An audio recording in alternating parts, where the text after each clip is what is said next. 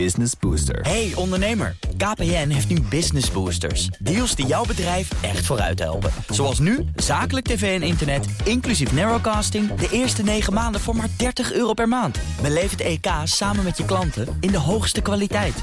Kijk op kpn.com slash businessbooster. Business Booster. Dit is Nieuwsroom Den Haag van vrijdag 20 augustus. In de studio in Amsterdam zitten Lien van der Leij van het Financieel Dagblad... Thomas van Groningen van BNR. En uh, ook een beetje van BNR, Jaap Jansen. Maar ook wel uh, van de podcast Betrouwbare Bronnen. Ik denk dat de luisteraars misschien ja, daar inmiddels meer van kennen... dan voor je column bij ons nog, hè? Ja, hallo Mark, leuk om hier te zijn. En uh, Betrouwbare Bronnen verschijnt weer vanaf 27 augustus, dus volgende week vrijdag. Ja, dus wij zijn jouw vakantiebaantje even nu, voor het van. Zeker. Ja. Even, mag, ik iets, mag ik een brutale vraag doen? Want heel veel mensen kennen jou natuurlijk nog, eh, ook dat je verslaggever was voor BNR. Je bent een vast gezicht op het Binnenhof. Uh, hoe, ziet jou, hoe zien jouw dagen er nu uit? Ben jij fulltime bezig met de podcast? Vrijwel fulltime. Ik heb natuurlijk ook nog de column op donderdag bij BNR. Oh ja. Ik geef ook wel eens advies nog aan, uh, aan bijvoorbeeld Sven Kokkelman. En ik denk ook nog soms wel mee over uh, misschien nieuwe televisieprogramma's. Maar op zichzelf is die podcast Betrouwbare Bronnen... die meestal twee keer per week verschijnt, is fulltime voor mij. Ah, oké. Okay. Nee, dat vroeg ik me af. Ik dacht, is, is hij ook lobbyist geworden misschien? Want ik zie hem natuurlijk nog wel vaak in het Kamergebouw lopen. Ik dacht... Uh... Nee, geen lobbyist. Je zit in stemmen te Nee. knikken. Maar, uh, Daar zou ik geen tijd voor hebben. Spindokter ook niet? Nee. nee, komen er geen politici ook langs die zeggen... meneer Jansen, u loopt hier al heel lang rond. Kan u eens vertellen hoe ik dit nou uh, recht kan praten voor de collega's? Nou, niet op die manier. Maar ik kan natuurlijk wel in het algemeen uh, aan mensen advies geven. Zeker uh, nieuwe Kamerleden. Die nog niet precies weten hoe de hazen lopen in Den Haag. Daar, daar praat ik natuurlijk wel mee. Daar praat iedereen mee ja. uh, in de journalistiek. Maar je gaat natuurlijk niet heel erg gefocust op één persoon of één partij dingen zeggen. Want daarvoor ben je een onafhankelijk journalist. Ja, maar ik kan me voorstellen dat die vraag af en toe komt. Dat je dan zegt, ja, dit is moeilijk. Wat zou jij zeggen? En dan zeg je, ja, dat nou moet je bij je eigen pers Het interessante is als, als mensen mij dingen vragen over hoe, hoe zie jij dat nou? Dat helpt mij als journalist natuurlijk ook andersom. Want dan hoor ik vanzelf ook hoe die politici over bepaalde dingen denken. Waar ze problemen zijn. En dan krijg ik misschien ook inzicht over bijvoorbeeld verhoudingen in fracties of verhoudingen in coalities. Ja. Maar ben je ooit wel eens echt formeel gevraagd om ergens uh, woordvoerder te worden? Of? Nee. Dat is een hele brutale vraag. Nou, nee, dat, dat is trouwens niet waar. Ik ben wel, uh, ik ben, ben zelfs meerdere malen. Ik moet nu even graven hoor, dat is al een tijd geleden. Ja. Uh, maar verschillende ministeries. Oh. Bijvoorbeeld. Maar nooit de verleiding gehad om te zeggen. Ik, ik heb, wel zo, ik heb wel eens over gesproken, ja. Maar dat is alweer lang geleden. Sorry, het is heel brutaal dat ik dit zo vraag natuurlijk. Ja. Maar het vroeg, ik vroeg het me af ineens. Maar... En jij dan Thomas? Ben jij inmiddels al benaderd voor, uh, nou, voor welk ministerie zou het? Nooit als woordvoerder. nee. Alleen als minister. Zoiets. Ja. Nou, dan maken we het rondje compleet. Lien, jij loopt ook al een tijdje mee inmiddels weer in Den Haag. Nou, uh, nog niet zo lang in Den Haag. Nee, uh, niet, niet zo lang maar als, ik als heb Jaap me, zeker. Uh, ik heb me wel laten vertellen dat er BNR-collega's benaderd zijn door partijen. Maar meer zeg ik er niet over. Oh, interessant. Oh, dat, is, is, dit is, dit is, dat is te weinig of te veel wat je nu zegt. Ik, ik ben het niet, maar... Uh, nee, maar het is, we, we, hebben het natuurlijk wel gezien. En ik heb ook al mensen met wie ik op de opleiding heb gezeten van, van journalistiek. Die dan kort ook parlementaire journalistiek gedaan hebben. Of andere journalistiek die nu wel, dat ik ineens aan de lijn krijg als ik een, een woordvoeringsnummer bel. Dan hmm. ben ik altijd wel een beetje verbaasd. Dat ik denk, hé, maar drie maanden geleden schreef je nog kritisch over dit ministerie en nu zit je er. Nu is het allemaal goed daar. Dat komt voor. En vertellen ze dan meer off the record? Ja, want je hebt dan toch een andere band met ze. Omdat je met ze gewerkt hebt of je kent ze van de opleiding. Dus dat, dat, dat voor mij als journalist is dat best wel handig. Dus als jullie nou even lekker woordvoerder worden. Netwerken ergens, nee. is ja. altijd uh, belangrijk. Ja. Ja. ja, je verwacht tenminste enig begrip ook voor de journalistieke kant. Als wij met vragen komen, als wij bijvoorbeeld met bewindslieden willen praten op, op heel uh, korte termijn. Uh, als iemand journalist is geweest, dan weet hij vaak hoe dat zit met deadlines en Ah. uh, allerlei andere dingen. En ook het belang uiteindelijk toch ook van een ja. minister om goed in beeld of goed uh, in audio te komen. Ja, dat is waar. Hoewel ik het altijd heel verschrikkelijk vervelend vind als iemand aan de andere kant van de lijn zegt. Ik weet wat je zegt. Ik ben zelf ook journalist geweest. Ik weet precies hoe het werkt. en ik, jij weet niet wat ik aan het doen ben. Nou, sterker nog, ik had ooit een, uh, een, een debatje met Hans van Mierlo toen die minister van Buitenlandse Zaken was. En die ergerde zich aan koppen boven mijn artikelen toen in het Algemeen Dagblad over wat hij allemaal aan het doen was. Hij, nou, hij, hij ergerde zich aan artikelen, maar het bleek eigenlijk vooral de kop te zijn. Ja. En toen zei hij al tegen mij: Ja, ik weet wat je gaat zeggen. Dat heeft de eindredactie erboven gezet. Maar ik ben ook journalist en daar trap ik niet in. Ja. Maar bij het FD is dat wel zo, hè? Daar, zet je, daar zetten we een soort voorstel boven je artikel. Maar eh, Klopt. de eindredactie die gaat ermee aan de haal vaak. Nou, het ha- hangt er vanaf. eh, eh, eh, wat je op, eh, op de site zet en wat, wat in de krant komt. Natuurlijk, die, die krantenkoppen zijn veel meer gecomprimeerd.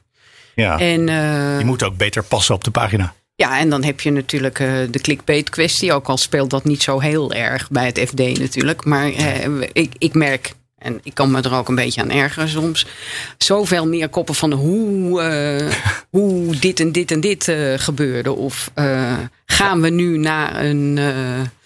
eh, Een lijstje met zeven opmerkingen. Nummer drie zal je verbazen. Ja. Ja, dat soort Verplicht, eh, ja. werk. Ja. Maar er, er zit een aardige link in dit onderwerp wat we nu bespreken en, en wat de afgelopen week eh, op de politieke agenda stond, namelijk Afghanistan. Want wat daarbij opviel eh, afgelopen weekend, toen het misging in Kabul, dat de woordvoerders van de drie verschillende ministeries die hierbij betrokken waren, dus het ministerie van Veiligheid en Justitie als het gaat om asielzaken, Defensie als het gaat om Defensie en Buitenlandse Zaken, ehm, dat die drie woordvoeringsteams drie verschillende dingen zeiden.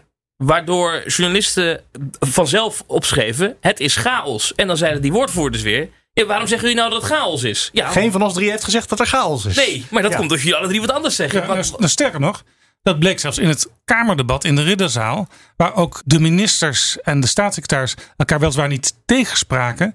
Maar wel steeds naar elkaar verwezen als het tricky werd. ja. En daar in de nuance eh, hoorde je echt verschillen. En eh, de, de Tweede Kamer werd daar ook eh narrig over. En zelfs Behoorlijk nodig, ja. Kamervoorzitter Vera Bergkamp constateerde op een bepaald moment: eh, er is hier een verschil van inzicht over de interpretatie. Het ging toen over een belangrijke motie die was ingediend. Ja. Eh, over de interpretatie van die motie tussen Kamer en kabinet. Want de Kamer wist niet eens precies hoe het kabinet er nou feitelijk echt over dacht. Want ze spraken elkaar ja, Ja, laten we dat niet even tegen, inkleuren. maar het, het, het, het was niet unisono. Laten we dat even inkleuren. Want die motie vanaf, vanuit de Tweede Kamer, die zei: voortaan willen we alle mensen die Nederlanders geholpen hebben. Op behandelen zoals we al hebben afgesproken dat we de tolken zullen eh, behandelen. Ook al heb je een eitje gebakken voor Dat de... was eh, de, de, de samenvatting van Joost Eertmans, die daar niet helemaal van gecharmeerd was, inderdaad. Ja, een eitje bakken is dat genoeg om hier eh, in Nederland opgevangen te worden? Nou ja, de Kamer zei uiteindelijk in meerderheid van wel. En wat, hoe antwoordde de regering daarop? Want die heeft daar uren en uren antwoord op staan geven. Er werd eerst naar, uiteindelijk naar de staatssecretaris, eh, mevrouw Broekers-Knol van de VVD, eh, verwezen. Die over de, de vluchtelingen en de asielzoekers gaat. Sigrid Kaag, Buitenlandse Zaken, had natuurlijk een algemene tekst. Dat hoort ook bij Buitenlandse Zaken. Vervolgens ging eh, verantwoordelijk voor Defensie Ank Bijleveld het invullen. En Ank Bijleveld die zei op een gegeven moment... ja, wij gaan die motie gewoon uitvoeren. Dus dat was Voeren er maar uit, zei ze. dat, dat ja. leek duidelijk. Maar uiteindelijk, eh, tegen het eind van het debat, kwam de staatssecretaris. En die ging toch eigenlijk weer op haar bekende tour zitten. Van ja, we willen iedereen individueel beoordelen. En we moeten natuurlijk niet hebben dat er eh, misschien potentiële terroristen eh, onder deze hele nieuwe stroom aanwezig zijn. En ja, toen stond de Kamer echt op de achterste benen. dreigt even te ontploffen bijna.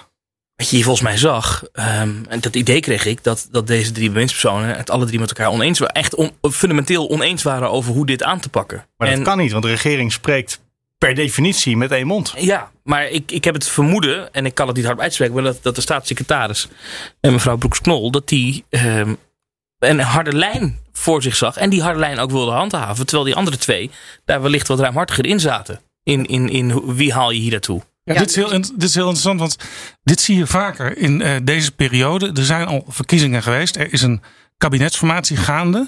Maar de verhoudingen die, die zijn eigenlijk niet meer zo strak en scherp zoals ze altijd waren. Hè? Dus eh, je bent één front als kabinet naar de Kamer toe. Daar mag geen licht tussen zitten, tussen wat de verschillende betrokkenen zeggen. Mag ik daar twee pregnante voorbeelden van Graag zelfs, dat is de reden waarom je gevraagd hebt, Jaap.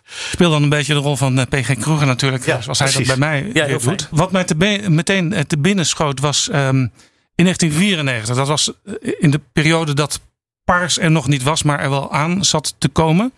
Toen ehm, was er een kabinet geweest waar ook het CDA in zat. Met minister van Justitie Ernst Heers-Ballin. Er was toen een enquête geweest over de IRT. Dat ging over opsporingsmethoden bij de geor- georganiseerde misdaad. Daar werd toen op een gegeven moment een motie aangenomen in de Tweede Kamer. Dat Heers Berlin zich niet meer met die georganiseerde misdaadopsporing mocht bemoeien. Omdat hij in die IRT-affaire dingen had gedaan waarvan iedereen inmiddels tot de conclusie was gekomen, dat moeten we zo niet meer doen. Nou, toen zei Heersbalin, uh, daar kan ik niet mee leven, dan treed ik af. Er was toen ook een minister van Binnenlandse Zaken. En Binnenlandse Zaken heeft natuurlijk ook met opsporing te maken, zeker in die tijd. Uh, dat was Ed Fontijn. Die was nog niet zo heel lang minister. Die had ook zijn burgemeesterschap in Amsterdam opgegeven om minister te worden. En die werd eigenlijk in die hele affaire op het laatste moment meegesleept. Hij, Heers Berlin was al afgetreden. Fontijn, uh, die was nog minister, maar die trad ongeveer een dag later ook af. En het extra tragische was voor Fontijn uh, zijn pensioenaanspraken die uh, vervielen doordat hij tekort minister was Ach. geweest. En wat zagen we hier? Uh, er was dus een kabinet, maar dat was demissionair. Uh, partijen waren al naar andere partijen aan het kijken voor een ander kabinet. En bijvoorbeeld D66 speelt toen een belangrijke rol. Uh, dat was een van de aanjagers van die motie geweest. En die had dus het hele uh, spel ja, en het aftreden in gang gezet. veroorzaakt, ja. En toen was er dus ook verdeeldheid in de regering over wat er moest gebeuren. Ja, toen zag je ook dat um, Ed van Tijn, die vond eigenlijk niet dat hij hoefde af te treden. Um, maar hij zag wel dat hij het Wim Kok, die toen de leider van de Partij van de Arbeid, uh, moeilijk maakte, ook in de kabinetsformatie, als hij daar nog steeds aanwezig zou zijn. Dus eigenlijk om, om Wim Kok alle ruimte te geven, trad hij gegaan. af. En ook daar zit weer iets tragisch aan. Um, kort daarna kwam Wim Kok nog even bij Ed van Tijn in Amsterdam. En toen riep hij bij het weggaan van onderaan de trap nog bedankt hè Ed. Voor die paar maanden. Ach. Ander voorbeeld, en dat is heel actueel eigenlijk als je naar het onderwerp kijkt. Dat ging uh, over Afghanistan in de Tweede Kamer. Dat was het kabinet uh, uh, voor 2010. Waar de Partij van de Arbeid, het CDA en de ChristenUnie samenwerkten onder leiding van Balkenende. Daar was uh, oneenigheid ontstaan over een nieuwe missie, een, verlenging van de missie in Afghanistan.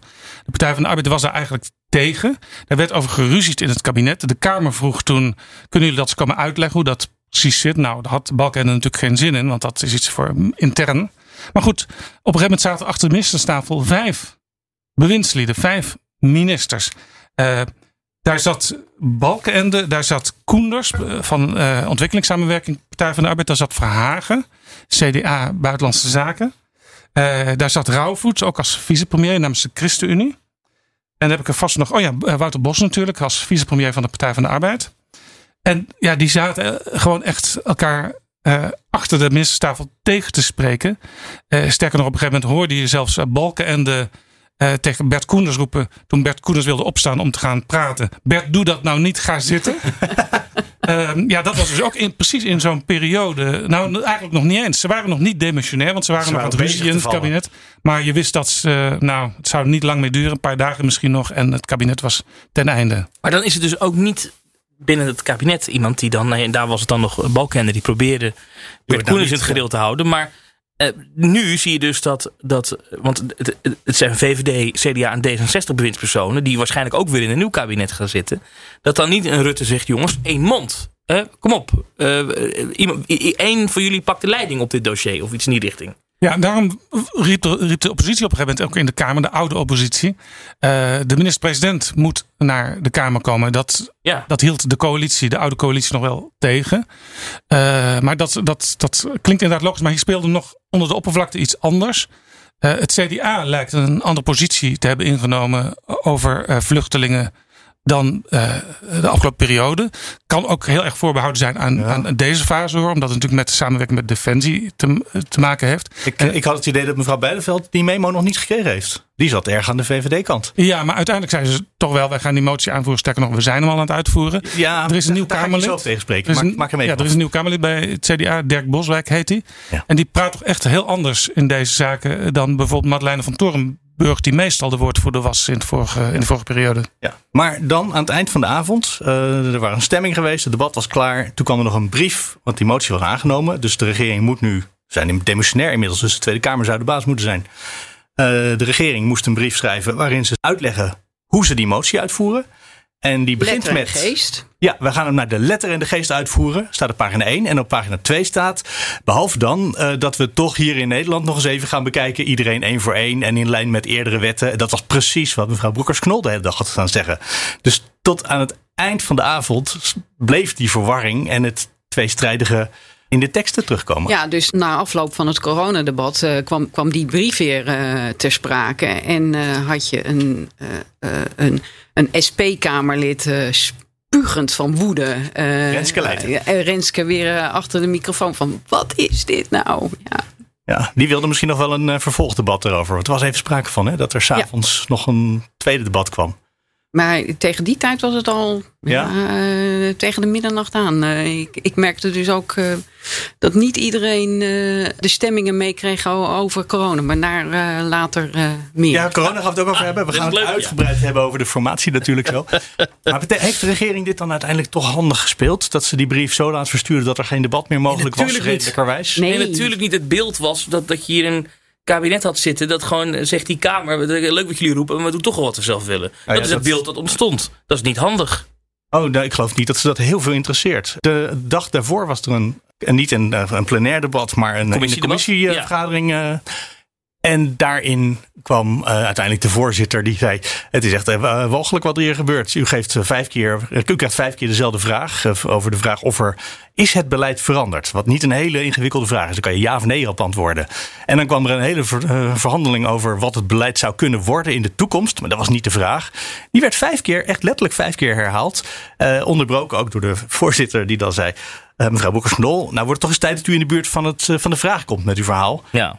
Daar, daar, zagen we, daar zagen we volgens mij echt een, een, een, een staatssecretaris, mevrouw Broeksknol was dat weer, die het zo niet eens was met, met wat er in die motie stond of wat dat beleid zou moeten ja, maar zijn. dan had ze dat, kunnen zeggen, Ja, maar zij dacht, als ik het uitspreek, dan moet ik het doen. Dus ze wilde het maar niet uitspreken. Maar dat werd een heel raar spelletje. Ik, zat, ik dacht ook, waar kijk ik naar? Ja, ja en dit is trouwens ook een onderwerp wat... Uh, tot eenzelfde soort debatten kan leiden aan de tafel in de kabinetsformatie.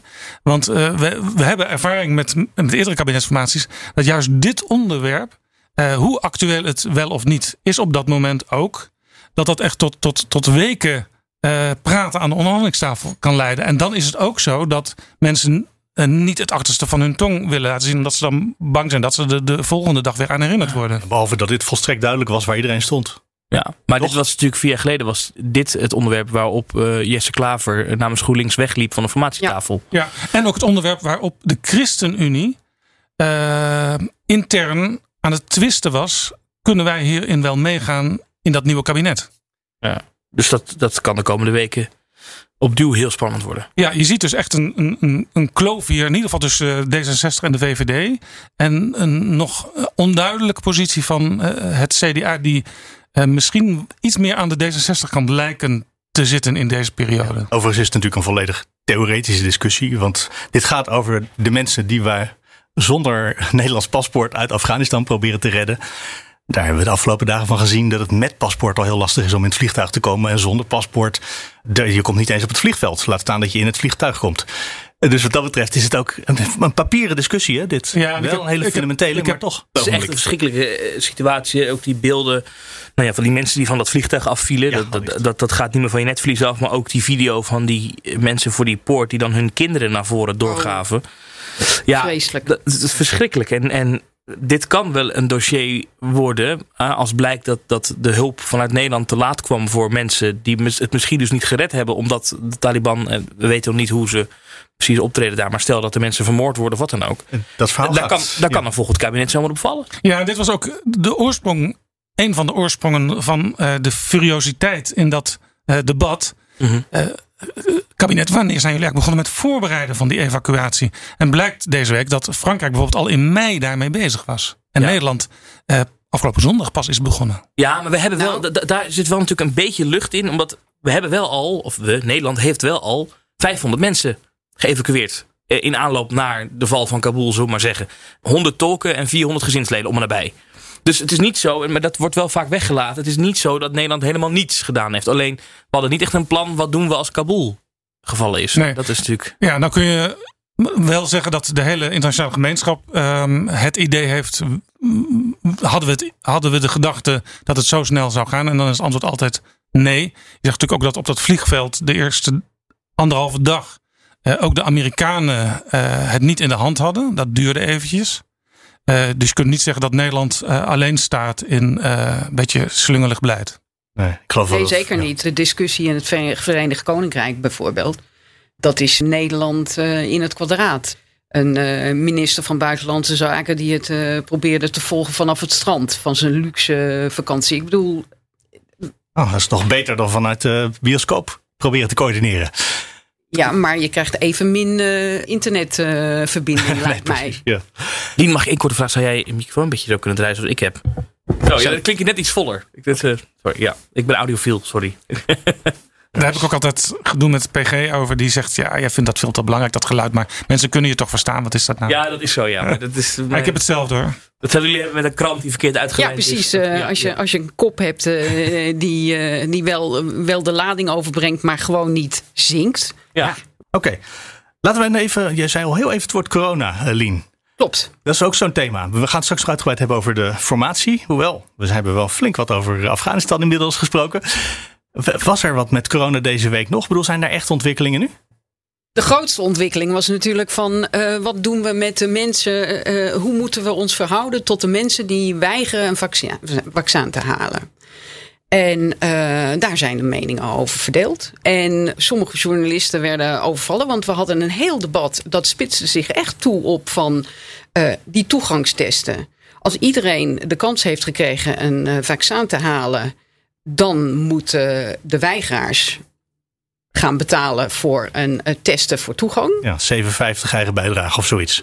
Uh, om en nabij, ja. ja. En uh, want uh, ze kunnen niet eeuwig, en, en dit was vooral door paternotten van de D66 uitgedragen. Ze kunnen niet verwachten dat, we, dat de belastingbetaler in lengte van dagen hun uh, weigering ondersteunt uh, financieel. En het wordt niet een, uh, ze hoeven niet de hele test te betalen, maar wel een eigen bijdrage. En de immunocompromised mensen die geen vaccin kunnen halen vanwege gezondheidsredenen, ja, die hoeven dus niet, niet te betalen. Maar, ja, maar als je weigert, je wilt het niet. Dan, dan, dan hoeft het en, niet. En dat was het profijtbeginsel. Maar wa, wa, wat ook meespeelde, was dat Hugo de Jonge op de coronapersconferentie nog had gezegd van, nou en misschien werkt dat als nog, nog als extra zetje om mensen te bewegen om toch uh, die prik te gaan halen. Ja. Nou, en dat viel echt in het verkeerde keelgat. Want daarmee uh, werd het ineens uh, toch wel een voorzichtige vorm van drang om mensen ja, toch te bewegen. Ja, en daar zag je dus wel he een hele uh, tweestelling. De ene zegt van ja, bijvoorbeeld Carolien van der Plas van de Boer-Burgerbeweging van ja, drang en dwang, hier hebben we het over. En, uh, en dat uh, zeg maar de officiële lezing was van Nee, we hebben het over vaccinatieplicht of niet. Indirecte plicht of uh, directe plicht. En van een indirecte of directe vaccinatieplicht kan geen sprake zijn. Want je komt altijd overal binnen met of een toegangsbewijs. Of je hebt het uh, uh, meegemaakt. sorry, ja, je of je hebt het meegemaakt. Ja. Of je hebt het overleefd. Of je hebt een test gehaald. Of je bent gevaccineerd. Dus je hebt opties. Dus een, een, een vaccinatieplicht bestaat gewoon niet. Dat is wat Hugo de Jonge ervan maakt. Dat is wat, en, en, hij verwees dan ook even terstond van, naar Frankrijk, waar er echt een plicht was. En dat dat ook goed scheen te werken, want iedereen uh, had na de aankondiging zelfs al uh, massaal een, uh, een prik geboekt. Maar het interessante was dat, dat als je het debat volgde overdag, dacht ik, nou dat komt er niet. Nee, die, precies. Dat betalen voor die. voor die nee, ik weet toen de krant sloot, ja. toen had ik iets moeten. En, en, en ik had gezegd, nou, een meerderheid van de Kamer lijkt tegen. Ja. Want ik had Volt dus helemaal niet gehoord nog. Nee, maar het was, je had dus VVD, CDA, D66, die, zijn, die waren voor. En dan heb je al 73 zetels uh, allemaal erbij. Ja, en Volt tekende uiteindelijk de motie ook mee. Ja. ja. ja. Uh, maar er waren ook kranten uh, die, die dat echt niet, niet hadden aanzien komen. Dat Volt wel dat ging steunen. En die hadden de dag erna in de, in de krant staan: Kamer steunt niet. En jij nog lijkt. Ja, maar er waren... zo zie je toch dat ons, ons werk als journalisten toch moeilijker wordt in deze Kamer met 18 fracties. Je moet elke kleine fractie die voor meerderheid kan zorgen, moet je dus toch goed checken. Ook al hebben ze misschien niet heel duidelijk in het debat uitgesproken nee. over een bepaald deel van het onderwerp. Maar dat krijg je ook als je, je hebt 18 fracties. Als er drie voor zijn en, en, en, en 15 tegen, ja. dan denk je nou de hele sterk, is tegen. Sterker maar... nog, je hebt ook uh, debatten tegenwoordig waar fracties mede namens een andere fractie spreken. En als in het debat uh, dingen gebeuren die je niet kon voorzien. Bijvoorbeeld zo'n motie van uh, Paternotte, die wordt ingediend. Om mensen ja, toch te laten testen voordat ze een, een evenement of een, zelfs een café ingaan. Ja, het kan best zijn dat die fractie, namens eh, welke ook wordt gesproken, het daar uiteindelijk niet mee eens is.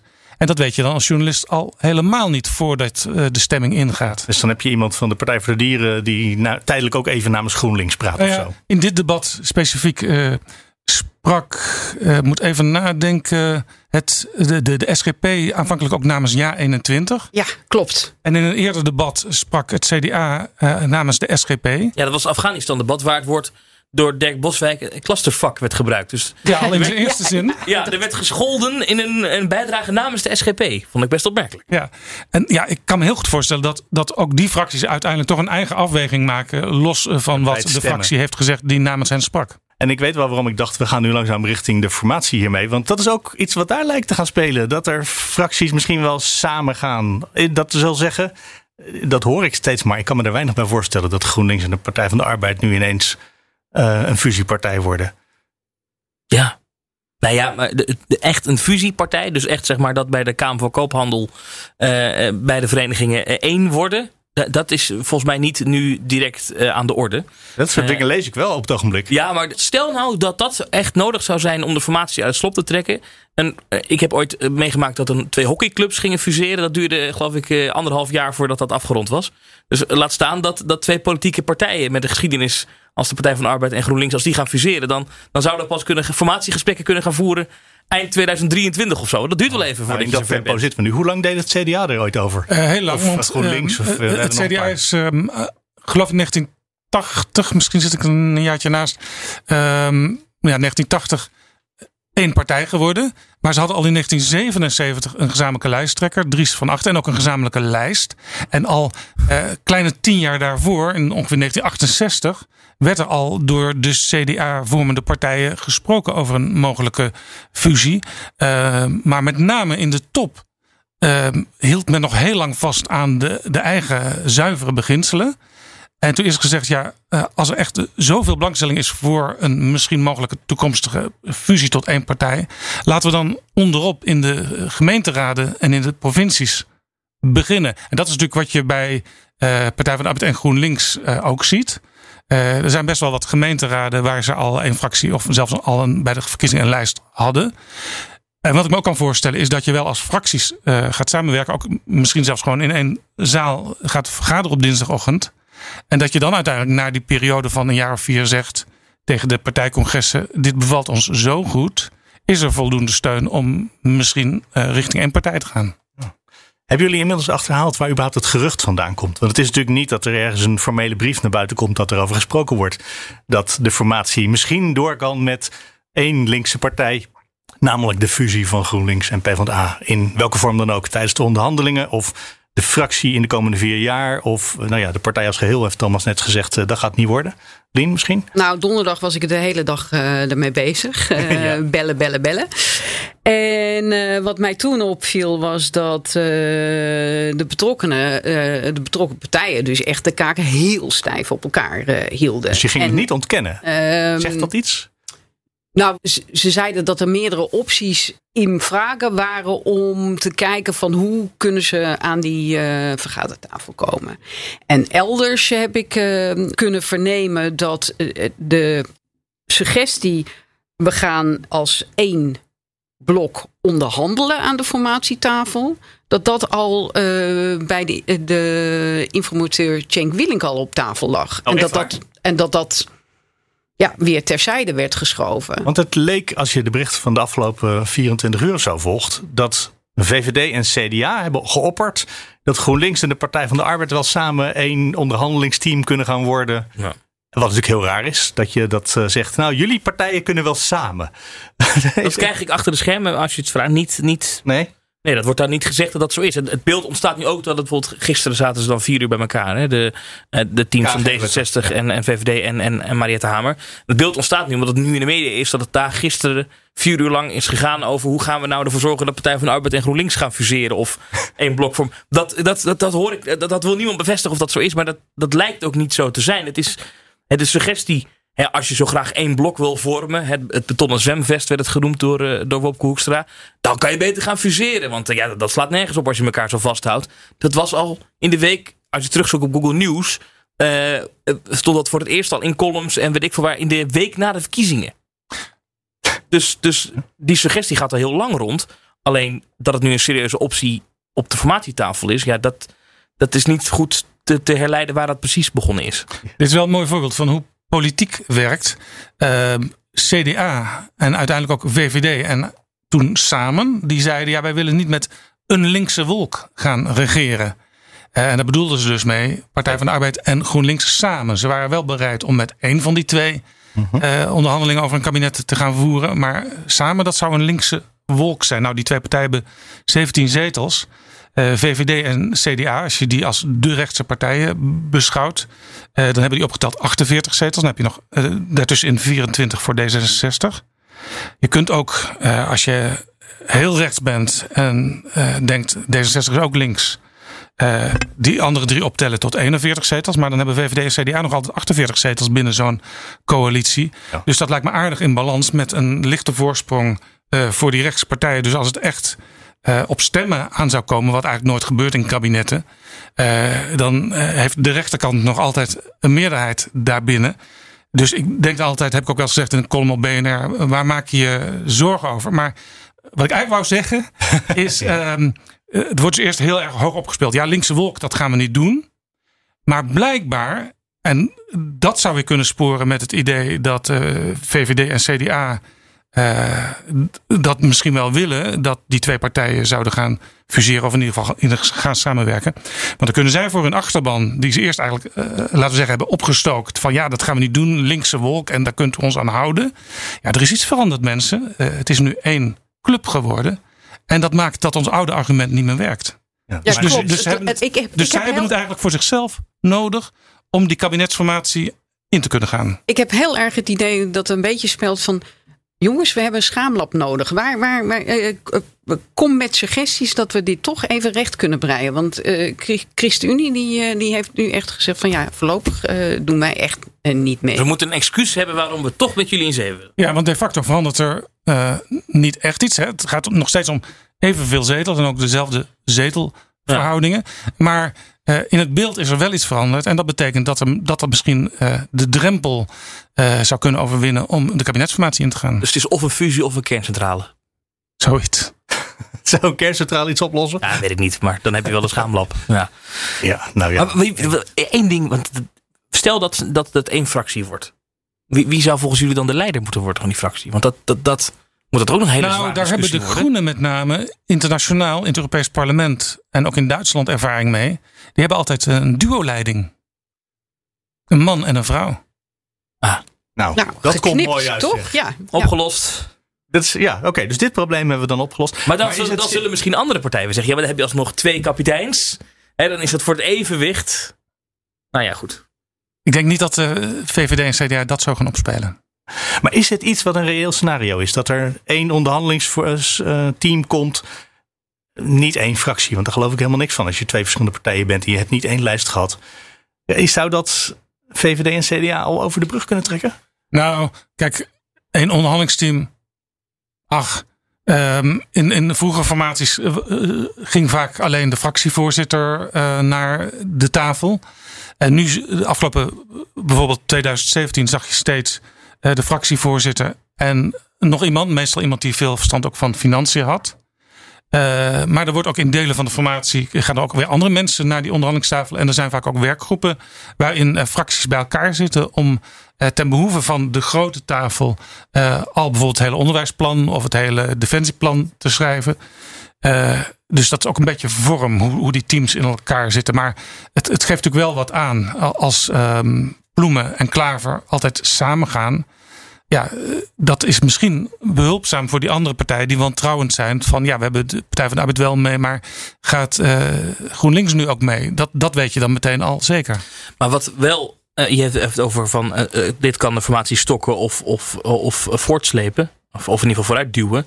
Kijk, wat je wel merkte gisteren is als je nu dit op straat ligt als je mensen binnen de Partij van de Arbeid en GroenLinks spreekt, maar ook, ik heb ook even iemand in de lokale politiek gebeld, die zeiden, ja maar wacht even, nu gaan, nu gaan andere partijen voor ons bepalen dat wij moeten gaan samenwerken en hoe we het moeten doen. Was ik meteen een tweetje gisteravond van GroenLinks met wij bepalen zelf wel uh, hoe onze samenwerking eruit ziet.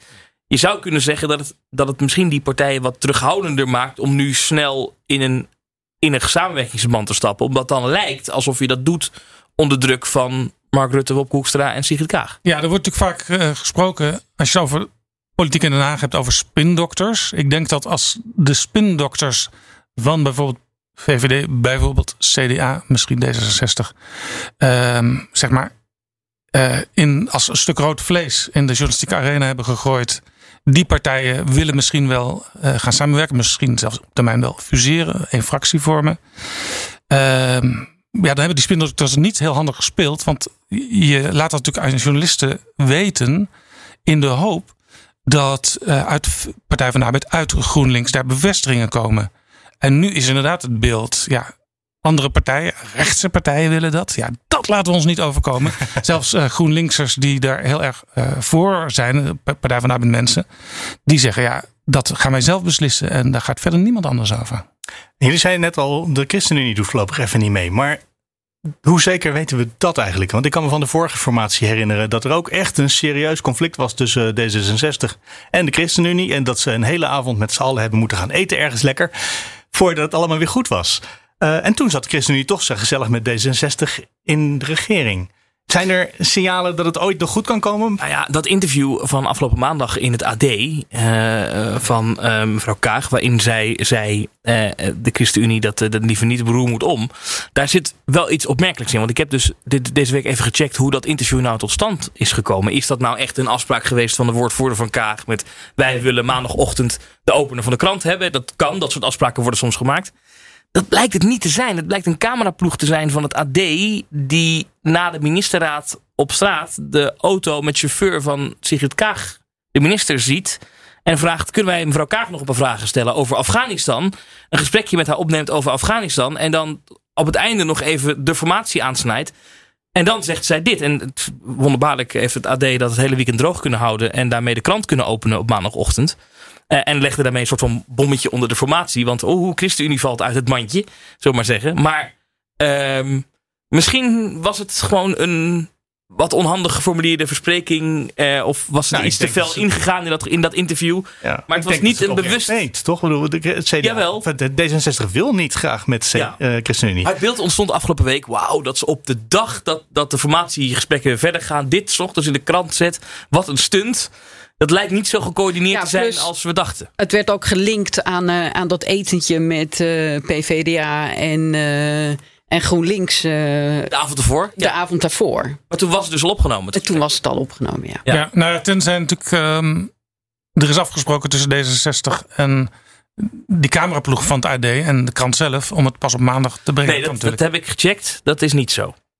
Dus het is gewoon puur goede journalistiek en het heeft weinig met spindokters er te maken. Er was ook geen woordvoerder bij, begreep ik, bij het interview. Ja, maar Mark, um, ChristenUnie er definitief uit? Nee, denk ik. Dat hebben, we ook, dat hebben we precies hetzelfde in die vorige ja. uh, formatie ook gezien. Daar was natuurlijk het punt dat uh, D66 heel graag GroenLinks erbij wilde. En dat is tot uh, tenminste twee keer toe heel uitgebreid geprobeerd. Toen dat echt definitief voorbij was, toen was D66 pas bereid om de ChristenUnie te accepteren. Dus je moet soms eerst dingen echt helemaal wegstrepen. En daar is nu natuurlijk geen sprake van, want de ChristenUnie heeft nog geen, uh, uh, ja, geen seconde echt aan de onderhandelingstafel gezeten. Nee. Er is nog geen onderwerp besproken met de ChristenUnie, behalve dan de algemene lijn van zouden jullie bereid zijn tot. Ja. Dus dat kan ook misschien nog de stille hoop zijn bij bijvoorbeeld het CDA en de VVD.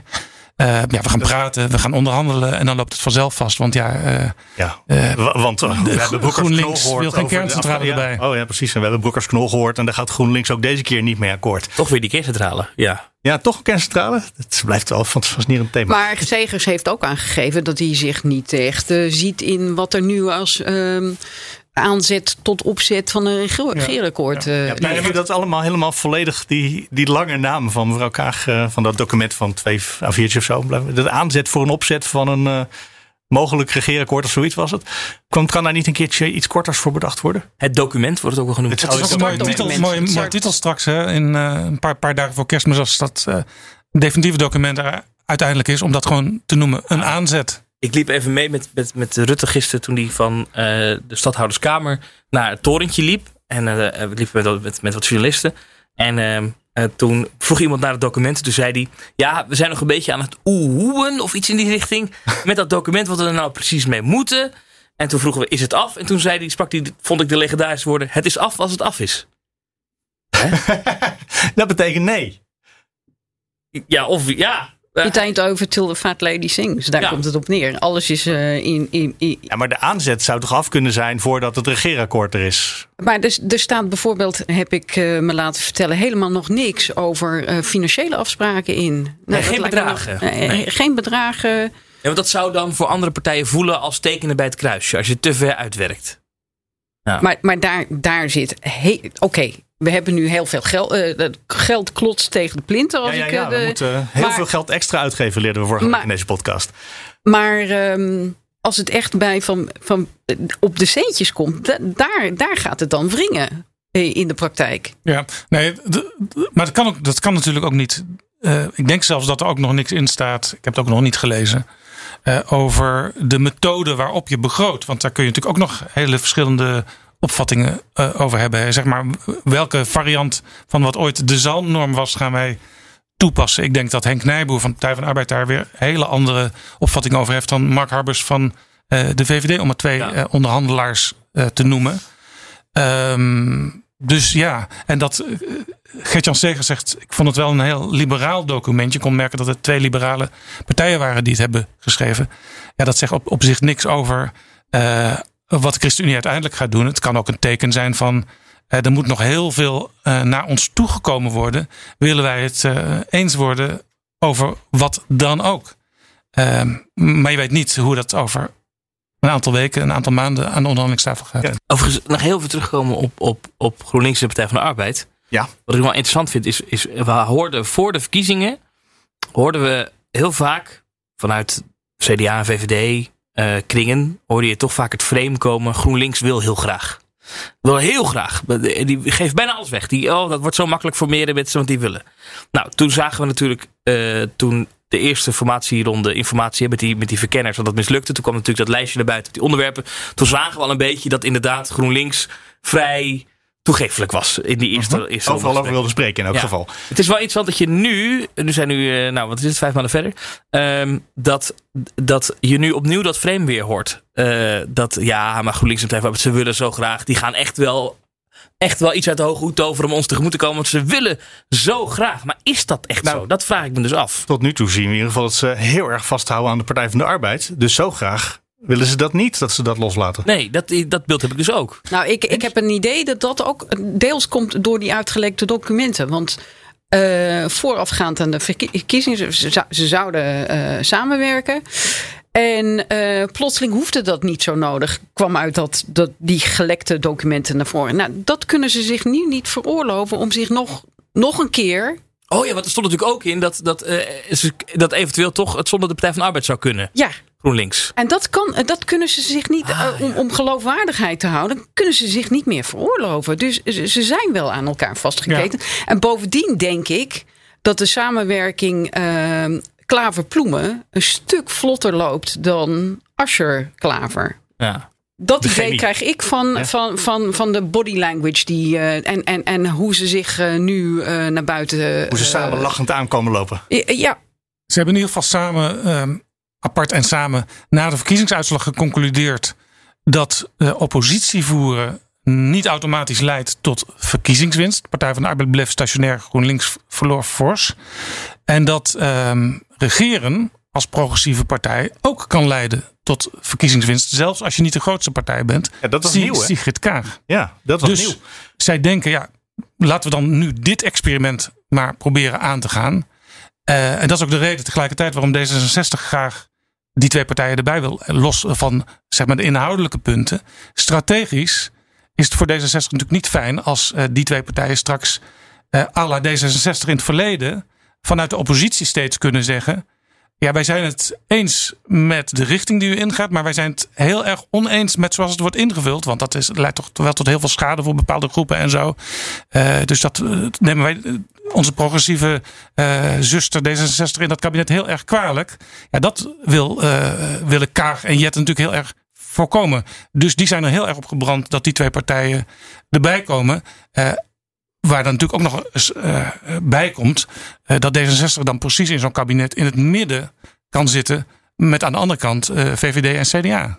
Toch? Wat gebeurt er? Maar de, de, vorige keer toen ze in het midden zaten, in paarse kabinetten, toen werd dat altijd als heel erg ingewikkeld. Uh, want op links werden er dingen bereikt en op rechts werden er dingen bereikt. En D66 zat in het midden en die was alleen maar nodig voor een meerderheid. Ja, het was zelfs zo dat D66 had op een gegeven moment een soort verkiezingsfilmpje met een paarse pot verf. Ja. Uh, om aan te geven dat is de kleur uh, die er dankzij D66 is. Maar dat was dan ook een beetje de makker van D66 strategisch gesproken. Die waren zo blij met de komst van paars. En ze, waren, ze, ze, vonden ook dat Paars 2 er heel erg uh, moest komen. Terwijl ze daar voor de meerderheid helemaal niet meer nodig waren. Uh, lastige was ook dat. Uh, er komt, dus komt dus altijd van alles bij in de politiek. Hè, maar ja. het lastige was dat de, de, leider van Mierlo was minister van Buitenlandse Zaken geworden. Dat was zijn grote droom. Hij zat dus meestal in het buitenland. Dus niet als vicepremier in het binnenland. Waardoor de invloed van D66 ook heel klein werd. Uh, op een gegeven moment heeft premier Kok zelfs geëist van D66 dat er iemand werd benoemd om Van Mierlo te vervangen. Dat werd toen Hans Weijers, de minister van Economische Zaken, zodat er in ieder geval iemand uh, naar het torentje te halen was als het nodig was.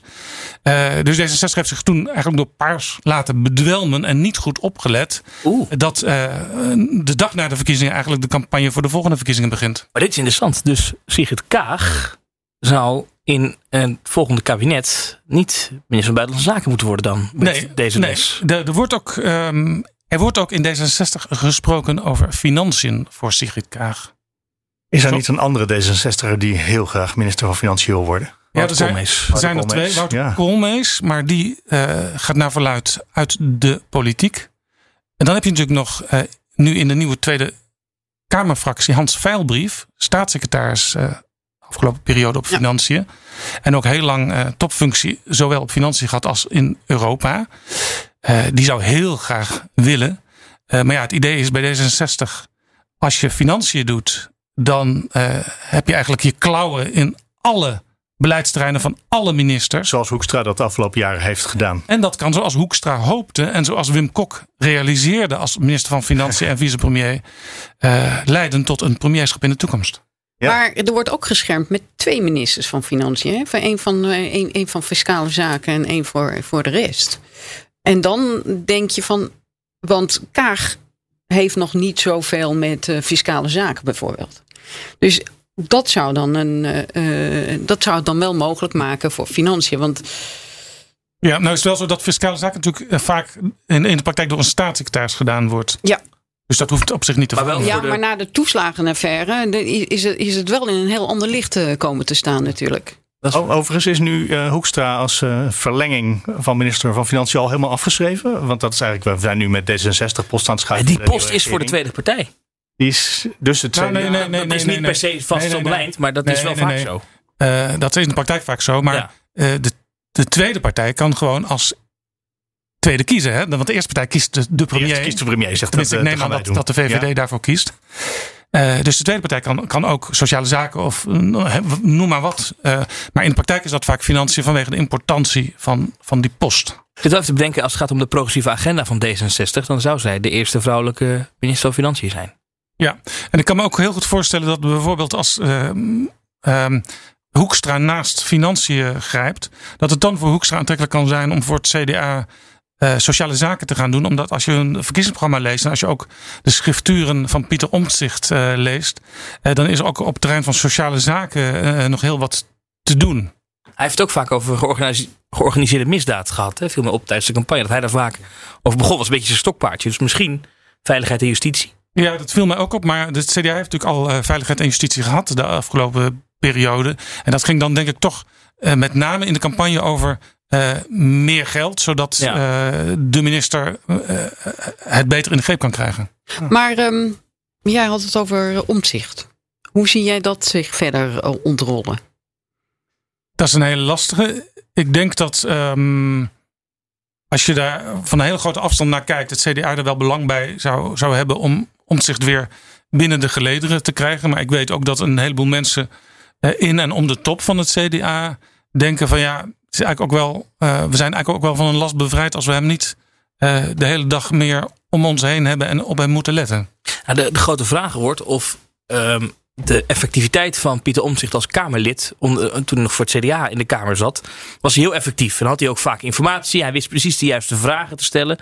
De vraag is of hij dat in een eenmansfractie ook nog kan. Ja, maar de vraag is ook: van, neemt hij nog eh CDA'ers mee Ja, als die eh, afsplitst? Naar, naar een groep. eh, Kamerleden. ja, Kamerleden, naar een groep eh, omzicht. Ja, dat, dat- daar ziet het niet naar uit. Die signalen hebben we, denk ik, jij ook niet, hè, Thomas? Nee, Niet, niet gekregen. Nee. Is het CDA wel redelijk gesloten de afgelopen maanden eigenlijk. eh, de fractie. Je Ja. komt ze bijna niet te spreken. Ik moet zeggen dat het voor BNR ook erg moeilijk is om interviews te krijgen met CDA's op zender. Ja, ik heb verschillende CDA's gehoord, eh, ook openbaar. Ja. Die zeiden, eh, wij gaan binnen het CDA door met de lijn die Omtzigt al had ingezet. Ja. Dirk Boswijk, die mogen we wel interviewen. Dat zijn Over, af- weinigen. over Afghanistan. Maar die heeft natuurlijk een heel duidelijk verhaal nu. Waar, waar ze goed mee in de media komen. Maar het is best moeilijk om ze in, in programma's te krijgen. Op 11 september komen ze bij elkaar hè, voor Ja. een Ja, eh, dat wordt, eh, congres. Hopelijk niet Bijzonder. voor het CDA het 9-11. Precies, ja. Maar dat betekent dat sowieso dat voor die tijd er helemaal geen echte definitieve formatieonderhandeling klaar kan zijn. Hè? Want je moet weten wat het CDA gaat doen. Tenminste, dat zou ik zeggen als ik een coalitiepartner van ze wilde worden. Ja, en Partij van de Arbeid moet ook nog een ledenraadpleging doen. Voordat ze daadwerkelijk... eh, Ja, het is natuurlijk wel zo dat, dat, dat ehm, zeker in het CDA. ehm, want bij de Partij van de Arbeid eh, begrijp ik dat zelfs zelfs voor het aan tafel gaan al een soort consent vanuit de leden moet komen. ja. Dat kun je natuurlijk, zou je natuurlijk tegenwoordig ook via internet kunnen, kunnen checken. Eh, maar bij het CDA hoor je altijd, ja, politiek dat is toch echt aan de fractie. Dus de fractie kan al een heel eind gevorderd zijn. Misschien zelfs al conclusies voor zichzelf hebben getrokken. En het dan aan de leden voorleggen. Jawel, Want- maar dat is wat er binnen het CDA gebeurt. Maar stel nou dat het CDA besluit om eh om zich definitief de partij uit te, te bonjouren. De achterband, stel je voor, ik heb geen idee. Daar zou ik als D66 eerst wel even hom of kuit over willen horen van het CDA. En dat kunnen ze pas op 11 september geven. Of 12. Ja, ik kan me voorstellen dat er een, een soort motie of resolutie komt op het CDA-congres. Om in ieder geval de, de, de eh, vriendschapspijp eh, weer uit te reiken richting Pieter Omtzigt. En in ieder geval dus met hem te gaan praten. En daar dan over te rapporteren. Daar zal dan een, een groep van wijze mensen uit het CDA zich dan mee belasten. Maar ik begrijp ook eh, uit de hoek van het CDA dat alle eh, moties die eh, echt al gaan over richting van kabinetsformatie, dat die door het bestuur en de Kamerfractie zullen worden eh, afgeraden. Nou, ik moet nog even een praktisch ding kwijt. Ja? Eh, gisteren was de laatste dag dat wij konden werken op de Haagse redactie van BNR in het Tweede Kamergebouw. Dus ik heb er even gezeten en eh, ja, ik moest op een gegeven moment moest ik weg. Maar we kunnen er dus nu niet meer in. De verhuizing is nu echt begonnen. Het gebouw is dicht. Feit. En Ja. dus- maar onze studio dan? Want we hebben nog een studio in het nieuwe gebouw. Nou, dat is een heel gedoe. eh, Logistiek achter de schermen, want die moeten wij zelf verhuizen. Dus eigenlijk alles wordt verhuisd door een verhuisbedrijf. Dat is echt een heel gedoe. Als je nu bij- in de Tweede Kamergebouw, dan zie je constant mannetjes met karretjes en dozen. Alleen apparatuur en techniek moet je zelf doen. Dus er komt een team van BNR, die gaan, geloof ik, volgende week of de week daarna, gaan ze die studio uit elkaar halen en dan op de nieuwe plek in elkaar zetten. Dat moeten we dan zelf doen. Maar, dat, is een dus- heel, heel, dat is echt een gedoe. En dan, eh, dan uiteindelijk, dan, eh, dan ja, eind volgende week geloof ik, eh, dan, mogen de, dan zijn de pasjes van de Tweede Kamer die wij hebben, die, zijn, die werken dan al in het nieuwe gebouw. Dus dan kan je naar binnen. Ja, maar de komende week moet je thuis werken dus. Verplicht. Of hier op de redactie. Maar in ieder geval In de niet... tussentijd je niks pech. in, eh, het, is, het schijnt wel zo te zijn dat als er debatten zijn, bijvoorbeeld in de ridderzaal, dan zouden we even in het logement mogen of zo, om even tijdelijk aan een tafeltje te werken. Maar dat, daar wordt nog over gesproken. Dus maar voor mij kloppen ze een beetje af dat ze hopen dat er niet nu nog in de tussentijd een debat moet zijn. In Ja, de, ik- toen ik in de kabinetsformatie afgelopen week eh Kaag en Jette in een auto zag stappen, toen dacht ik, ja, ze hebben natuurlijk geen, eh, geen kantoorruimte meer op de Binnenhof. Waar zouden ze naartoe gaan? Daar ben ik eigenlijk ook wel benieuwd naar. Of zitten ze gewoon op de achterbank? Want je hebt natuurlijk achterbankgesprekken. Dat ja, bestaat. ja, maar eh, waar gaan al die mensen naartoe als ze misschien even een paar uur iets anders moeten doen dan formeren of Nou, ik, ik, ik had dat probleem donderdag. Want ik, ik, wilde, ik dacht van nou, ik ga eens wat eh, rondhangen op de PVDA-burelen. Maar ik dacht van, waar, waar, waar zijn die eigenlijk? Die zijn er niet. Nee, nou, ik heb wel nog een rondje door het gebouw gelopen. Alles is echt leeg. Ik heb nog even stiekem wat foto's gemaakt. Ik heb gisteren even op de kamer van de voorzitter. Eh, want via die ingang, die, die kant van het gebouw, moet je naar binnen en naar buiten. Dus waar eerst eh, mevrouw Riep zat en nu dus mevrouw Bergkamp. Ja, er ligt nog mooi blauw tapijt, maar al het meubilair is, eh, is weg. Het is eigenlijk heel macaber. Hè? Net of er een re- revolutie is geweest. En Ja, eh, eh, op het dak van het gebouw alle belangrijke stukken nog zijn verbrand op het laatste Maar wist jij- moment. wist je dat de voorzitter van de Tweede Kamer op de werkkamer van de voorzitter een eigen toilet heeft? En daar ben ik gisteren even naar het toilet gegaan. En nou maar hopen dat hij nog goed aangesloten was met Ja, water ja, ja, alles. hij trok nog Wel gecheckt? Maar wist je dat? Die van Groningen heeft overal ook scheid aan, hè? Nee, nee, maar ik dacht, ja, dit is. Ik kan zeggen dat Om ik in op het, dezelfde metafoor te ik blijven. heb ja. op het toilet gezeten van de voorzitter van de Tweede Kamer. Ja. Dat vond ik Ja, maar wel- dat, dat was mij nog nooit eh, In geworden. het hoekje. Ja, ik weet wel dat de minister van eh, Defensie op haar kamer ook een eigen toilet heeft. Ja, want daar ben jij wel eens geweest. hè? Ben ik wel eens geweest. Ja, daar gaan we al. Nou, met dit soort onthullingen komen we aan het einde van vandaag van Nieuwsgroep Den Haag. Dankjewel voor je komst, Jaap Jansen. En ook leuk dat jullie er allebei weer waren. Thomas van Groningen en Lien van der Leij. Ik ben Mark Beekhuis en we zijn er volgende week weer. Dus graag tot dan. Dan met Sophie.